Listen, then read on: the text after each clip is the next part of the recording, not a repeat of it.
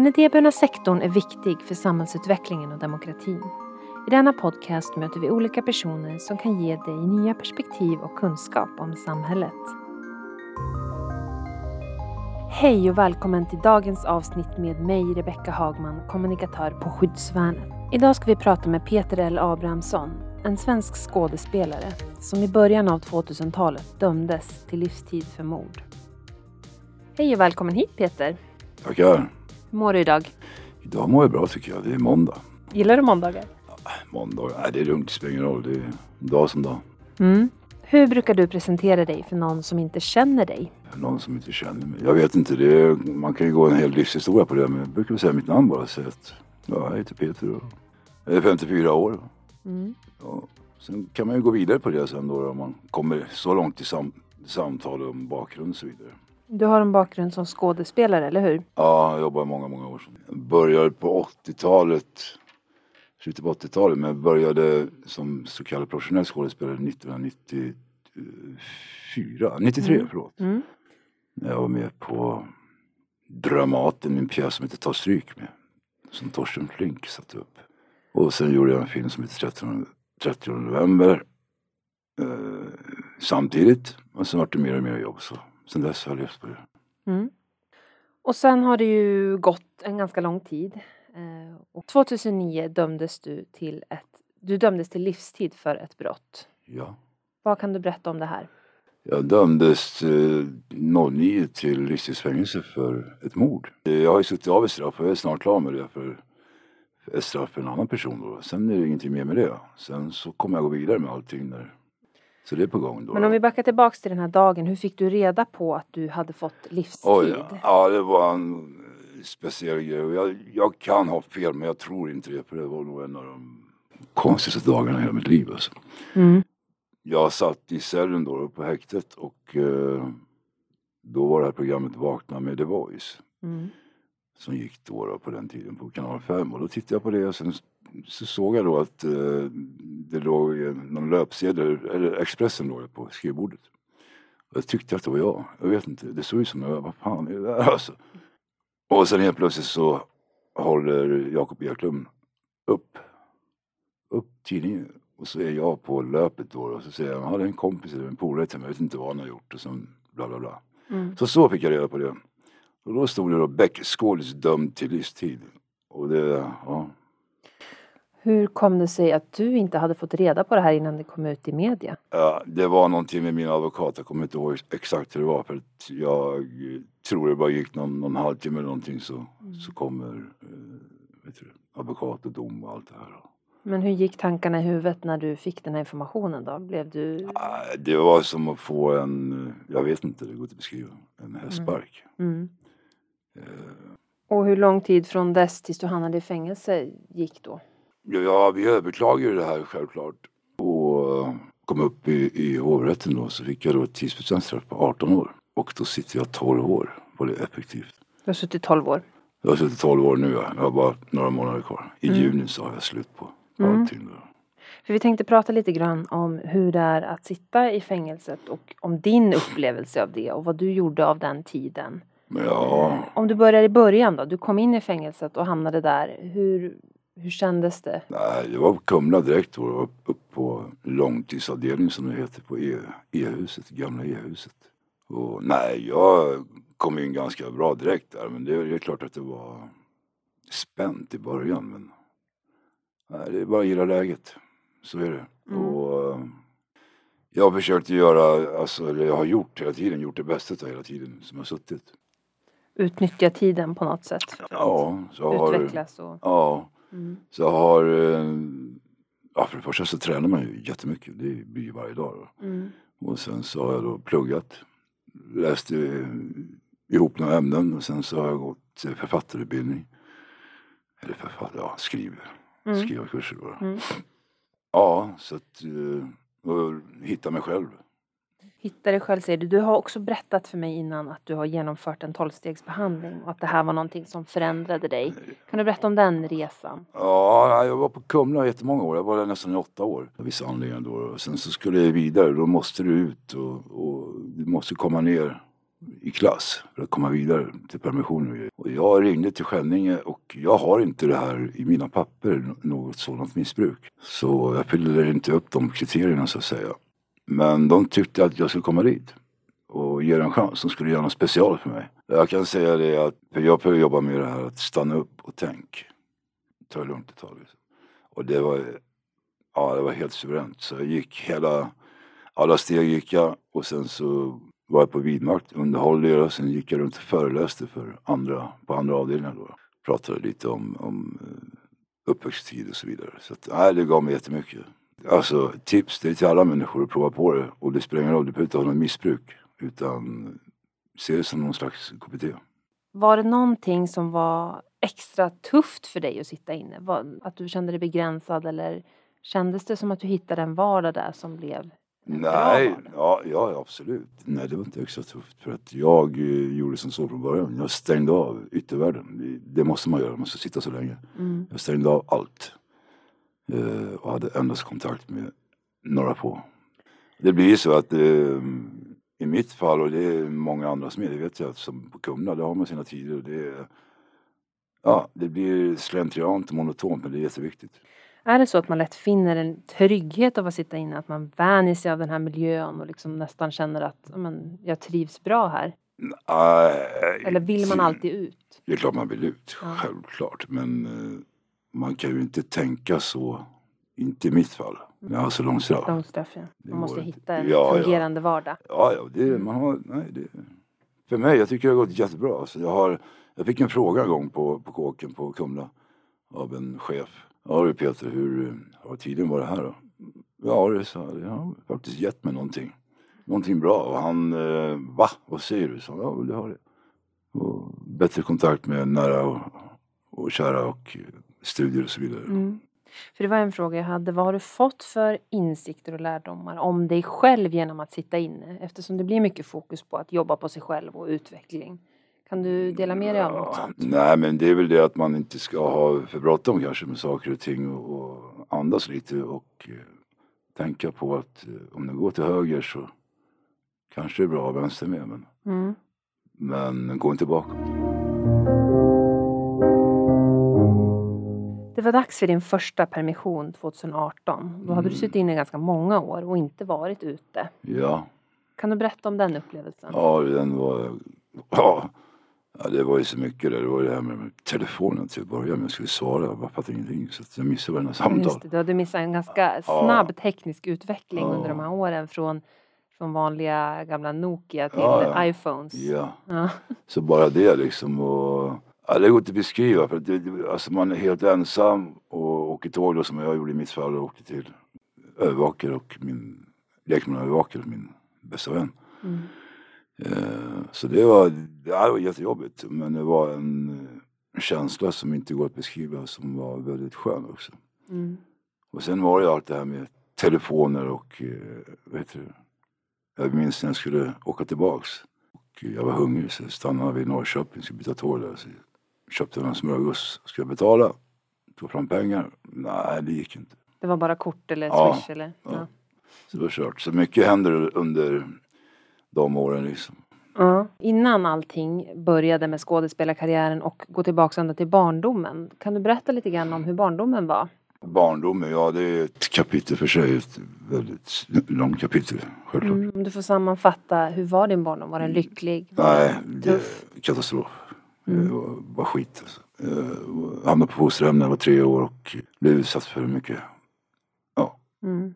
förskräckliga saker som ja, övergrepp och våld och misshandel. Och. Är det här någonting du har bearbetat och liksom Det har jag gjort och det kan jag tala om att det har jag nog börjat gjort eh, under åren som jag satt, satt Mm. inne. Alltså. Mm. Eh, Det gjorde också att jag började skriva min historia. Jag skrev en bok som heter Livets trasiga teater. Ja, berätta gärna lite mer om det. Ja, först skrev jag dikt, en dikt, eller dikthäfte. Och sen, eh, jag vet mina lärare i skrivarutbildningen, de ville att jag skulle skriva i jag-form och jag gillar inte att skriva i jag-form. Men eh, de övertalade mig Och sen körde jag på så då har jag, ja det blev en bok till slut så den ligger klar. Jag ska ha lite redigeringar kvar med lite namn och det ska tilläggas lite saker. Men det var också själva resan med den har ju varit både upp och ner. Den har ju väckt massor med saker. Då måste man stanna upp ibland och tänka, vänta nu, har det här hänt? Är det på riktigt? Där? Så man inte får för sig saker. Blir det lätt så tror du att du blandar ihop eh, det, fakta med, med tankar och sånt som det, inte har hänt? Det kan bli så. Ja. Eh, Sen självklart så är det så i, i både i boken och i dikt, dikthäftet att man har allting som jag skriver är rakt från hjärtat. Det, det är naket, det är ärligt och det, för att få till lite spänning så måste vi dra in lite fiction också. Fast Mm. det finns alltid en sanning alltid. Sen eh, så finns det då kapitel och, och andra ja, dikter jag skriver som då får ju andra betraktare och läsa, läsare, de får ju då ha sin åsikt. Tolkning. Ja, Mm. så är det. Det blir spännande. Om vi går till, eh, nu har ju du muckdatum i juni och du Ja. har fotboja nu. Ja. Om vi börjar där med fotbojan. Hur är det att leva ute i samhället fast med fotboja? Ja, jag tycker det är, alltså när man suttit så här, så, så här länge på kåken så tycker jag det är jättebra. Jag har ju ovanligt lång utsluss då. Men det var för att jag har så lång straff. Jag har mina tider och jag har mina, ja, jag har bojan, jag har en tid på morgonen jag måste gå. Jag har en tid på kvällen jag måste hemma senast. Sen har jag fritidstimmar på kvällarna eller på helgerna som jag lägga ut. Och, och jag eh, måste ringa om jag är försenad eller kommer för tidigt. Så det gäller att sköta det där. Du rapporterar vart du än ska, Ja, vilka tider du ja, åker. jag har ju då turen med mig. Jag har körkort. Jag fick körkortet tillbaks här. Och jag som då är nu på så kallad jobb och sysselsättning på blixtjobb. Eh, jag måste då skriva vad jag ska hela tiden, vilken adress. Mm. Är det jobbigt tycker du eller funkar det bra? Ja, det var jobbigt första två dagarna men nu är det lugnt. Nu vänder du ja. Och sen är det då eh, hembesök. Mm. De ringer. Kommer de på tre minuter så får de då göra olika kontroller. Du är ju som sagt på Blixtjobb som är en av skyddsvärnets verksamheter och jag tänkte prata lite mer om det strax. Men först så tänkte jag kolla, hur upplever du att återanpassningen till samhället går? Ja, du kommer från fängelset och du ska bli fri nu. Mm. Får du det stöd du behöver? Upplever du, behöver du något stöd anser du? Hur tänker du kring det? Jag tycker att det är bedrövligt. Det finns ingenting som heter det. Eh, egentligen. Eh, jag, tänk, alltså, jag själv är lyckligt lottad. Jag har bostad, jag har fästmö och allt det här. Men eh, det finns jättemånga som inte har det. Men eh, stöd? Nej, det vet jag inte faktiskt. Man måste komma in i systemet, rullarna igen och, få en inkomst på, på papper och allt det, på Försäkringskassan och så vidare. Det, det tar tid. Det, det där får jag ordna med själv. Det är inte mycket stöd alls. Så det, nej, jag vet inte. Hur Det, tycker du det borde vara då? det är inte det att man bara ska få allting serverat, det är inte det jag menar. Utan man kanske ska ha lite mer, för man blir lite instruktionsskadad, man blir kårskadad. Mm. Utan man kanske märker det själv. Man kanske skulle ha någon slags stödperson som är med en i början. Jag, jag vet inte. Det jag har fått uppfattningen av många gånger när jag pratar med personer som eh, har liknande erfarenheter att Mm. det saknas oftast information. Att man saknar information. Vad kan jag vända mig Vad finns det? Ja, man så inte ens vet vad det Ja. finns. Att det är ofta det också som är ett problem. Så är det. Sen om du då, har till exempel, som jag i mitt fall, jag har en del sjukdomar och så vidare. eh, Med mediciner, bara en sån sak. Mm. Allt det där det får du ju då i apedoser på kåken och det är serverat så att säga. Mm. Och det där, så fort du kommer ut så ska du rådda med det där själv och det kan bli väldigt stressigt för Mm. människor. Även för mig. Så att om man tänker en utsluss nu då, du har fotboja, du är på ett sätt fortfarande känner, avtjänar ju du ditt straff Ja. så borde man kanske ändå ha några insatser som man får inne i fängelset, även ute. Ja, ja någon, man ska ju anpassa sig, det är inte det det handlar om utan Mm. att någon slags Men gradvis. backup, ja Mm, absolut. Att det inte skärs av allting. Ja, liksom. och det är ju så. Jag vet ju, man, när man har suttit så många år och man har ju stött på ja, många människor, och många fina människor, många dårar och, ja, och så Mm. vidare.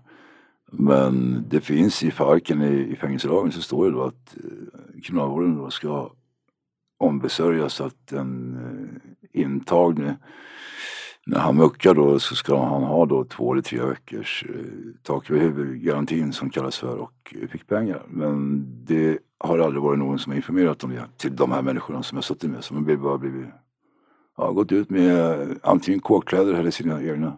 Tror du det är en stor bidragande faktor till att personer återfaller i brott? Det är nog jättemycket. Alltså. Att man inte har något annat? Ja. Mm. Speciellt människor som har tungt missbruk och, och andra problem. Mm. Blixtjobb då. Du hamnade ju på Skyddsvärnet och har bott i ett av våra stödboenden. Mm. Och nu arbetstränar du kan man säga, eller du arbetar på Blixtjobb. Ja. Och du har körkort vilket är en, eh, en fördel kan man säga när man jobbar på Blixtjobb. Ja. För att det finns ju flera jobb då. Kan du berätta om hur det är att vara på Blixtjobb och vad, vad du gör här? Vad gör Blixtjobb? Jag, jag tycker det är bra. Alltså. Jag tycker om att jobba med människor Mm. eh, från olika slags samhällsklasser. Jag dömer aldrig dem. Jag tycker det är bra. Det är olika jobb. Det är fritt jobb och det är, ja, som i mitt fall, det är mycket styrningar, mycket körningar hit och dit. Nej, jag trivs på, på Blixtjobb och jag ser man kan göra mycket. Du har nämnt tidigare också att du vill börja föreläsa för ungdomar. Mm. Jag tänker, vad vill du förmedla till ungdomar genom att föreläsa och berätta om dina erfarenheter? Ja, jag, vill nog, jag vet inte vad jag vill säga. Jag vill bara berätta min historia som inte är lik någon annan. Så är det. Och jag har nog någonting jag skrivit där innan. Själva historien börjar i boken. Det är att jag tar med mig pennan som mitt enda vapen. Liksom. Mm. Och eh, jag vill förmedla något som jag har varit med om och eh, som någon kanske, eller jag vet, så kommer känna igen sig. Mm. Och så vidare. Och kan jag eh, få en av, av 50 personer, då är jag glad liksom. Som lyssnar och tar åt sig. Tanken är att föreläsningen, det är tanken absolut. Men att eh, jag håller även på och skriver en teaterpjäs, en teatermonolog på boken. Så vi får se hur det går. Mm. Man får ta, ja, får ta en dag i taget. Jag tänker på, på det här med ungdomar. Nu har inte du en bred, lång erfarenhet av en kriminell livsstil men du har en erfarenhet av att sitta inne och eh, umgås med personer som har det. Mm. Vad vill du säga till ungdomar som kanske är på väg in i det livet för att de känner att de inte har något annat val. Man kanske har det problematiskt hemma, eh, Mm. kanske inte har något hem och man är ute på gatan. Vad, har du någon, någon slags, något budskap som du vill ge dem? Ja, bu- jag vet inte. Ja, Det, alltså, samhället har blivit så konstigt sen jag, alltså, sen jag åkte in. Kommer Mm. ut. Du- Alltså, du blir skjuten för att du tittar fel. Det är ändå intressant. Vad ser du för skillnader där Ja, innan och efter? Ja, det skillnaden är... Jag vet inte, jag har inte ord för det. Är det sämre? Sämre? Ja, Ja. det är katastrof. På vilket sätt? Ja, men det är, alltså, det skjuts och det dödas och det är hit och dit och det sprängs hit och dit. Och det, är, det är deras grej. Jag lägger mig inte i det. Utan, jag vet inte, man, man hamnar där tror jag, ungdomar. Och eh, i fram, alltså deras framtid, det blir inget bra för framtiden. Eh, Jag, jag vet inte vad rådet är. Jag har inget råd just nu. Jag har bara ett råd att försöka tänka själv. Låt inte någon annan tänka åt dig. Vad är du tacksam för idag då? Efter allt det här? Ja, det är rätt mycket. Jag är tacksam över att jag... eh, Ja, att jag lever till att börja med. Mm. Och att jag är tacksam över att jag har en underbar fästmö. Mm. Eh, trygghet. Ja, bland annat då. Och att jag har en, en hälsosam eh, eh, planering för min framtid. Det här med skådespelarkarriären, är det någonting som du skulle vilja ta upp igen? Jag vet inte. Jag har fått en hel del att få förfrågningar titt som tätt. Jag har... Nej, jag vet inte. Du är osäker på Osäker. den drömmen? Mm. Ja, nej, det är... Vi får Ja. se vart tiden tar dig. Upp på scenen i sådana fall med teater kanske. Jag vet inte. Vi- Mm. vi. Du Peter, kan du dela med dig av någonting som du tror att inte många vet om dig? Oj. Eh, det finns jättemycket saker. Jo, jag kan säga så här att jag älskar att laga mat. Mm. Det är det. Och eh, när jag åkte in på kåken så hade jag tummen mitt i. Jag kunde ingenting så det har jag lärt mig också. Så jag, jag tycker det är skitkul. Det är något du lärt dig under din Ja. tid? Ja. Vad älskar du att laga för något? Allt. Allt. Allt möjligt. Ja. Det, Har du någon paradrätt? Sådär? Paradrätten. Något som man verkligen är bäst på? Bäst på? Ja, det är nog min eh, fläskfilé och eller min kycklinggryta. Härligt. Kyng. Men Peter, tack snälla för att du delade med dig av din historia. Ja, Och lycka själv. till med allt så ses vi. Ja, tack tack.